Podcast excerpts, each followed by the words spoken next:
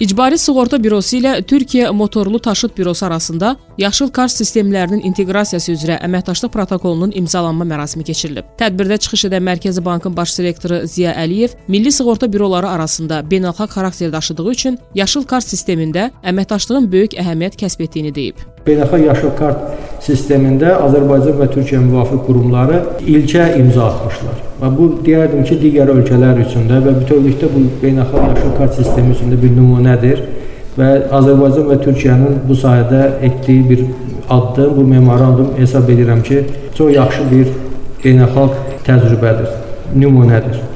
Türkiyə Sığortaçılar Birliyinin sədri Atilla Benli isə çıxışında bu inteqrasiyanın həm də rəqəmsal nəzarətin təmin edilməsinə imkan yaradacağını vurğulayıb. Protokolle Türkiye ve Azerbaycan sınırında yeşil kartların dijital kontrolleri sağlanacak olup iki ülke arasındaki ticari taşımacılıkta önemli fayda sağlayacaktır.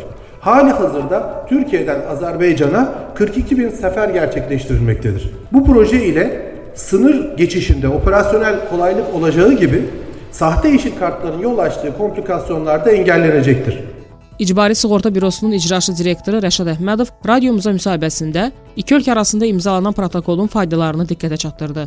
Bir neçə faydası var. Bunlardan biri odur ki, saxta sığorta şahidnamələri təsbit ediləcək artıq. Saxta sığorta şahidnamələri ilə səyahət edilməsi mümkün olmayacaq Azərbaycandan Türkiyəyə, Türkiyədən Azərbaycana. Bu da baş verən hadisələrin daha səlis bir şəkildə ödənişinin olması anlamına gəlir. Digər yandan gömrük məntəqələrində bu elektron informasiyanın İcbari Sığorta Bürosu tərəfindən Azərbaycan Respublikasının Gömrük Komitəsinə ötürülməsi prosesi baş verəcək. Bu da ölkəyə daxil olan nəqliyyat vasitələrinin və ölkədən çıxan nəqliyyat vasitələrinin sığorta şahidnamələrinin elektron şəkildə daha sürətli bir şəkildə yoxlanılması anlamına gəlir. Hansı ki, bu da orada gedən, yəni əməliyyatların daha sürətli və daha keyfiyyətli, daha sürətli olmasına biz köməklik göstərməyə çalışacağıq.